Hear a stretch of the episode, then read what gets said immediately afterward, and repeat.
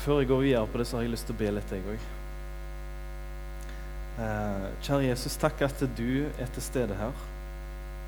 Takk at du har lyst til å lede oss til levende vann. Takk at du har lyst til å hjelpe oss. Takk at du er interessert i oss. Og jeg ber Jesus om at du må imøtekomme alle som er her inne. Legg din hånd på hver enkelt, gå gjennom benkeradene og løft oss opp, Herre, nærmere deg. Takk for ditt levende vann, og la oss få drikke av det i kveld. La oss få smake på det og kjenne at du er god. Amen. Um, jeg tenkte Før jeg begynner å snakke om det levende vann sånn litt nærmere, så jeg har lyst til å gå litt inn på det at Hvorfor trenger vi det levende vannet? Hvorfor er det sånn at innerst inni oss så lengter vi etter åh, De fleste mennesker som vi snakker med, de, de, kommer til et eller annet punkt og sier at livet jeg, De aller fleste, de trenger noe. Det er veldig få mennesker, jeg tror ikke jeg vet om noen, som klarer å sitte alene på et fjell og ikke være avhengig av noe som helst. Ikke trenger noe som helst. Jeg og du har noe innerst inne i oss, en lengsel etter noe som er større enn oss sjøl. Hvor kommer lengselen etter levende vann ifra? Hvorfor er det sånn at vi mennesker stopp, må innrømme at det må være noe mer enn bare dette her? Jeg tror det er noe større enn det vi kan se. Det er fordi Gud har lagt den lengselen inni deg, en evighet inni deg.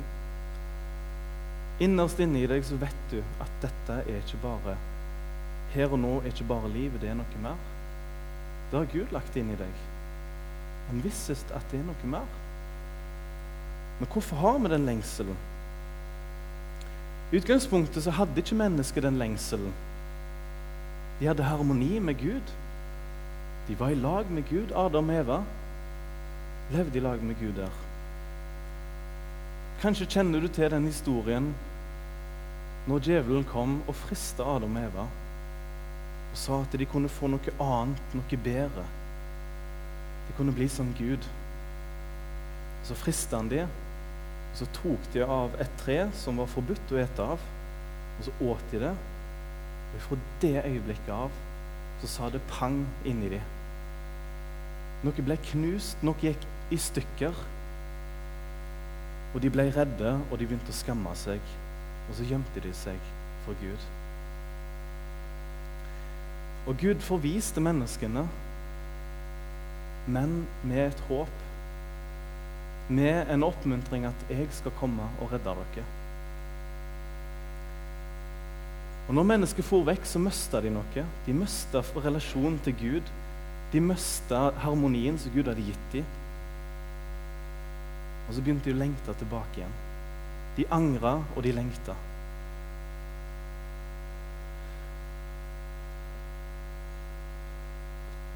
Og fram mot den tida Jesus kom, så er det mange mennesker som setter ord på den lengselen. Blant annet en levitt, en prest, i Gamle Testamentet sa disse ordene her. Som en hjort lengter etter rennende vann, slik lengter min sjel etter deg, Gud. Min sjel tørster etter Gud, etter den levende Gud. Når skal jeg komme og tre fram for Guds åsyn? Det syns jeg er en vakker beskrivelse av lengselen etter Gud. Vi tørster akkurat som den der ørkenen der.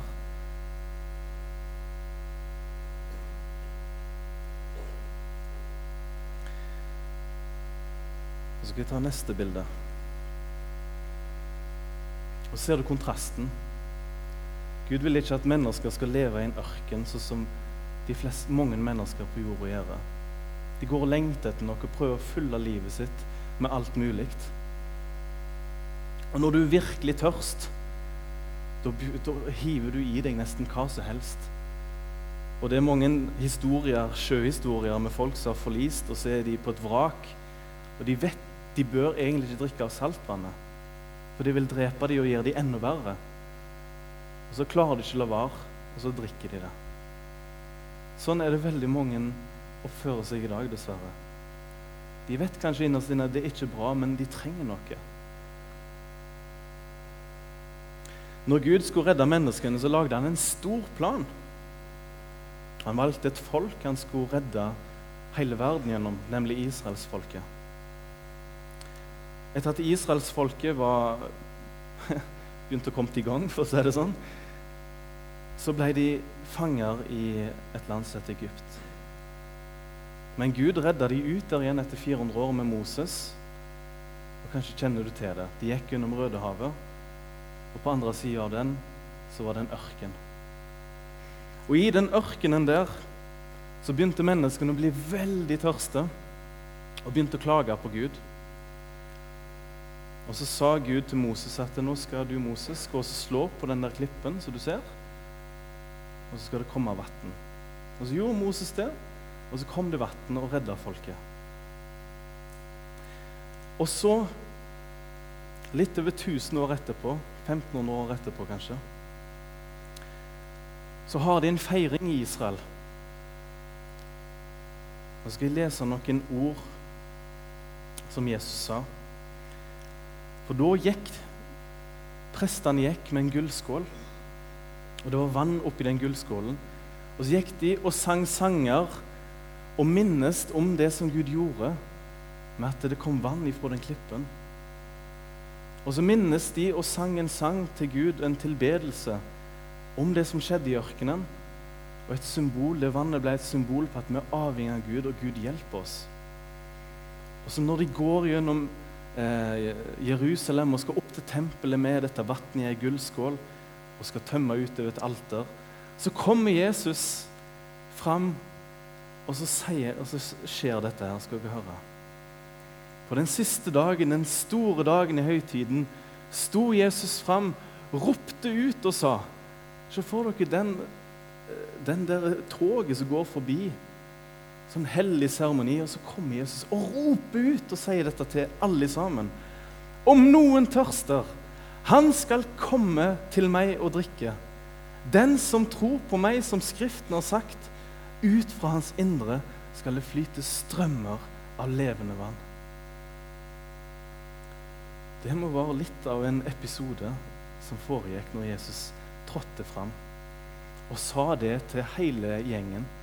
At det kom til meg hvis du er tørst. Kom til meg hvis du har en lengsel inni ditt hjerte. Kom til meg hvis du trenger hjelp, rett og slett. Og syns jeg det er så fantastisk, det ordet som jeg har lyst ut i gult. Dere ser det, dere òg. Kom. Tenk at det er sånn Jesus inviterer mennesker. Han kommer ikke med ei voldsom liste med alt det du skal gjøre først. Han begynner bare med 'kom'. Det syns jeg er fantastisk ord. Tenk litt på det. Ingen betingelser. Ingen menn og om og att og fram. Kom til Jesus. Og Det gjelder akkurat nå, her og nå. Så dette er Jesu ord til deg. Kom om du er tørst, så skal du få levende vann å drikke.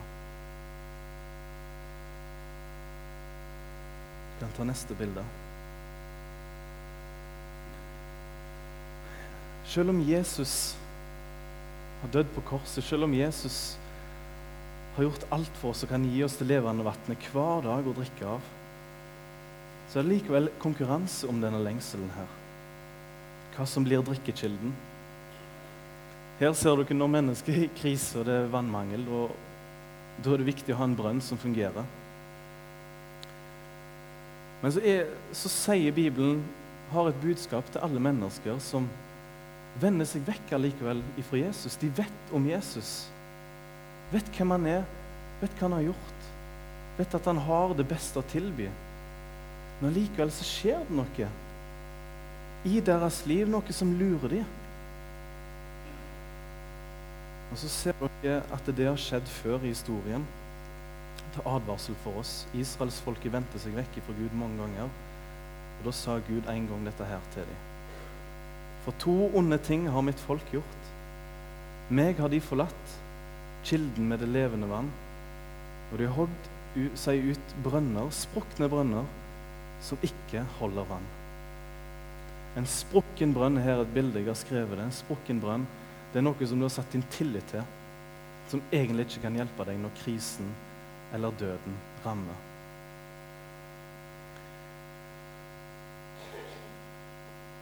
Jeg skal gi dere et annet bilde på det. Jesus brukte et bilde om dette. her. At vi kan stole på den levende kilde på Gud, eller vi kan stole på en brønn som ikke holder i krisetider. Hva velger du? Jeg tror selvfølgelig at du velger det levende vannet og Gud. Det er logisk, er ikke det? Men så er det en kamp. Det er en åndskamp. Det er noen onde makter som vil lure deg vekk ifra Gud. Og så viser Jesus et bilde på dette her. Han beskriver det som den gode hyrde, som er han, og en leiekar, som er bare en gjeter som får betalt for det, som ikke eier sauene. Og så sier han dette her. Jeg er den gode hyrde. Den gode hyrde gir sitt liv for sauene. Men en leiekar som ikke er hyrde, og som ikke eier sauene, når han ser ulven komme, forlater han sauene og flykter. Og ulven kaster seg over sauene og sprer dem. Leiekaren flykter fordi han er en leiekar og ikke har omsorg for sauene. Jeg er den gode hyrde. Jeg kjenner mine, og jeg er kjent av mine. og så ser dere jo hvor Jesus er, det forstår dere. Og leiekaren, det er han der som ikke bryr seg om sauene, egentlig. Og han ligger og koser seg, og vi ser bare beina på han. han ser ikke på sauene sine engang. Han bryr seg ikke. Men han har en haug med sauer som tror han bryr seg. Men de blir lurt. Og så bruker Jesus det bildet om oss mennesker. La oss lure av å gå til andre kilder. Jeg og du kan fristes og bli lurt. Vi kan begynne å tilbe andre guder. Vi kan få oss avguder i vår liv som vi stoler på. Noen oppsøker alternativ religiøsitet Oppsøker healing, oppsøker forskjellig som er spennende og nytt. Andre igjen oppsøker kanskje materialisme. Penger. Får jeg det godt nok, så holder det. Andre er opptatt av å dyrke egoet sitt. Og så blir alt det der som en leiekar. Så når alt kommer til alt, så holder det ikke. Men Jesus holder. Jeg vil vise dere noen bibelvers og en historie på hvordan Jesus er trofast. Han springer ikke vekk når vi er i krise. Han forlater oss ikke og blir rådvill. Jeg skal lese to bibelvers som jeg syns er fantastiske, og ett har vi allerede hørt. Mine sauer hører min røst, og jeg kjenner dem. Og de følger meg, jeg gir dem liv, og de skal aldri i evighet gå fortapt. Heller ikke skal noen rive dem ut av min hånd. Og som allerede hørt om den gode hyrde Ja, selv om jeg må vandre, altså meg og deg, gjennom dødsskyggens dal, frykter jeg ikke for noe ondt. For du er med meg, din kjepp og din stav, de trøster meg. Og så er et bibelvers der bakfra for, for omgjør det meg, og du har lagt din hånd på meg. Sist gang jeg talte her i Salem, eh, rett før sommeren, eller rett før jeg dro på ferie, så sa jeg til alle som var på det møtet der, at jeg var veldig bekymra, og dere måtte være med meg og be i lag med meg. For jeg hadde ei venninne som hadde kreft. Hun hadde Hun heter forresten det offentlige. Hun har fått lov til å si navn og alt sammen. Og har jeg, eh, så den, har, den saken har jeg i orden. Hun heter Ellen Rettedal Bjerga. Hun har gått i Salem her i mange år tidligere. Har gifta seg med Ingjerd Bjerga, og de bor nå på Moi. Hun hadde helt siden i mars-april begynt å miste stemma si og begynte å kjente at det var noe så galt. Og Hun gikk til, til sykehuset og tok mye bilder av halsen for å se hva det var. Og så Litt seinere så fikk, fikk de beskjed at dette her er sannsynligvis ondarta kreft. Og hun, De har fått tvillinger, to tvillingjenter. Så hun gikk ganske i kjelleren. Det var et sjokk å få. Og jeg møtte på Ingmar. Eh, snakket med han om dette her, og vi ba i lag. Og jeg traff på Ellen og Ingmar litt seinere, og vi snakket om dette her. Og så ba vi i lag, og så fikk jeg, mens jeg ba for, for dem, så fikk jeg det bibelverset der. Og så kunne de si til meg at De hadde en så enorm fred. Livet holdt på å rase i grus. Noe helt merkelig. De kunne våkne opp midt på natta og kjenne masse fred. Tenkte de, hvorfor kjenner vi på dette her når livet vårt er totalt på vei mot ødeleggelse, kanskje? Sykdom, kanskje dette ender med døden? Så hun, Ellen var jo i ferd med å skrive avskjedsbrev nesten til folk rundt seg. Så plutselig så får hun kommet seg til kontakt med legen igjen. Og Ellen og Ingmar de har spredt rundt omkring overalt at de må be. og Vi ba for, vi i Salem ba for dem, og andre har bedt for dem. Og så fikk hun plutselig beskjeden du, du, Legene var helt sjokka. Hun fikk beskjed du har ikke kreft. Du er helbreda. Det du har nå, er, er, på vei vekk. Det er noe cellevev. Og du kan bare gå hjem, du er frisk. Og jeg tenker så fantastisk at vi har en Jesus som bryr oss. De kunne, Om det hadde gått galt, allikevel De kjente på en fred. De visste de var ikke alene om dette her. Jeg synes det, det er fantastisk at vi har en hyrde. Selv om vi går gjennom dødsskyggens dal, så trenger vi ikke frykte for noe ondt. Tenk at vi har en sånn Jesus som er her til stede nå.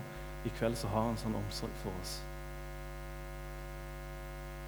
Og så sier Jesus til deg, 'Kom. Jeg vil gi deg den omsorgen til deg òg.' Kom til meg, du som strever tungt og bedre. jeg skal gi deg hvile. Jeg skal legge min hånd på deg og beskytte deg, ta vare på deg. Jeg syns det er fantastisk nå. Jeg, jeg, blir så glad når jeg ringer til dem og snakker med dem, at alt er flott. Jeg ble helbreda nå. Ja. Det er bare et eksempel. Jeg tror det er mange vitnesbyrd som kan bekrefte at Jesus holder sitt ord. Og sånn som vi hørte fra Bjarte òg, det er omsorg å få hos Jesus. Um, kan ta neste bilde. Hvordan bli bevart hos Jesus? Selv om Jesus er god imot oss, så er det denne kampen som vi allerede har vært inne på litt.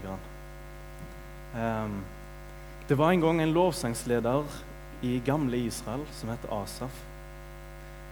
Og Han begynte å kikke på alle andre mennesker rundt seg som ikke trodde på Gud. Og Han så at det gikk veldig fint med dem. Han så til og med at noen gikk det mye bedre med enn han, som var en Guds mann. Og Så ble han misunnelig, og så tenkte han Mon tro om jeg bare kan leve uten Gud og klare meg fint. Og Så tenkte han sånn, han var på vei til å bli en ikke-kristen, for å si det sånn. Helt til han begynte å slå opp i Bibelen, for å si det på den måten. Det står han gikk inn i Guds helligdom, og da fikk han åpenbart sannheten. Jeg og du kan se på mange ting og ta det letteste og kjappeste først. Den kjappeste goden. Det er ikke alle som ønsker å være tålmodige og tenker at 'jeg vil ikke ta den fristelsen der'. Jeg vil ikke gå vekk fra Jesus for noe billig erstatning som jeg får der og da. Og så gikk Asaf inn i helligdommen, så forsto han sannheten. Så forsto han hva som er i vente de som vender Gud ryggen. Og Så begynner han å studere Guds omsorg og så begynner han å forstå hvor bra han har det som Guds barn. Og så sier han denne tingen her, som dere ser her oppe. Når jeg bare har deg, har jeg ikke lyst til noe på jorden. Det samme vitnesbyrdet får vi fra David. Herren er min hyrde, jeg mangler ingenting. Når du har fokus på Jesus, så vil alt annet begynne å falme og ikke bli så interessant lenger. Jeg var ei jente som ble kristen for noen år siden. Og hun sa det at det var som om alt det som jeg hadde holdt fast på før, bare begynte å visne, og Jesus begynte å stråle for meg. Og så sier Asaf til slutt, for meg er det godt å holde meg i Guds nærhet. Vi ta neste bilde. Det levende vann er det Jesus gjorde for oss på korset. Og så står det at dere skal øse vann med glede av frelsens kilder. Jeg har lyst til å be ei takkebønn nå til slutt. Men jeg vil bare si at det er utrolig viktig å be til Gud og takke Han. Bare være takknemlig for at Han har gitt oss det vi trenger. Når jeg var i Israel nå, eh, så satt jeg for meg sjøl og leste litt i Bibelen og ba litt. Og så plutselig så kommer det der eh, bønneropet Og så er det, det er ikke bare én sånn en, men det er flere, så det kommer i stereo over alle veier. Og så tenkte jeg bare at det der er tom avgudsdyrkelse. Det er tomme ord. Det er ikke sannheten. Og så vet jeg at Gud er nidkjær. Han skal ha all ære. Han skal ha all tilbedelse. Jesus skal bli opphøyd. Og så begynte jeg å bare takke Gud. Og så inni mitt hjerte på slutten så sa jeg til Gud Bare glem alle disse alle akbar-greiene. Bare overse det nå, Gud. Så hør på min tilbedelse til deg. Og Rett etter jeg sa de ordene der, så var det som om jeg Jeg vet ikke om jeg sjarmerte Gud med akkurat de ordene der. Men jeg kjente det begynte å varme hjertet mitt. Og jeg sa bare til Gud takk. Takk at jeg får tilhøre deg. Takk at jeg får tilbe deg. Takk at du er god mot meg. Jesus er her. Og Han har lyst til å gi deg det levende vannet. Og han har lyst til å motta din tilbedelse. Jeg håper du tar imot han i kveld på ny og blir fornya i ånden. Og du som er her, kanskje har ikke hørt dette om Jesus før, kjenner ikke Jesus, du kan få ta imot han om det er for første gang. Og så ønsker Jesus å ta imot din tilbedelse etterpå. Det gjelder alle. Så skal vi takke Jesus. Takk, Jesus, for det levende vannet. Takk, Jesus, for det som du gjorde på korset. Takk, Jesus, at du har omsorg for oss. Til og med når vi går i dødsskyggens dal, når livet er vondt, så trenger vi ikke å frykte for noe. Takk at dine løfter, de holder. Takk at du svikter ikke. Jeg har bare lyst til å tilbe deg og prise deg og gi deg ære. Og takk for alt det gode. Takk for alle gode gaver du gir oss. Takk for Salem. Takk for lovsangen her. Takk for alt, alle menneskene som er her. Må du velsigne ditt ord og velsigne denne kvelden her videre og alt som skjer. At du blir æra, Jesus. Amen.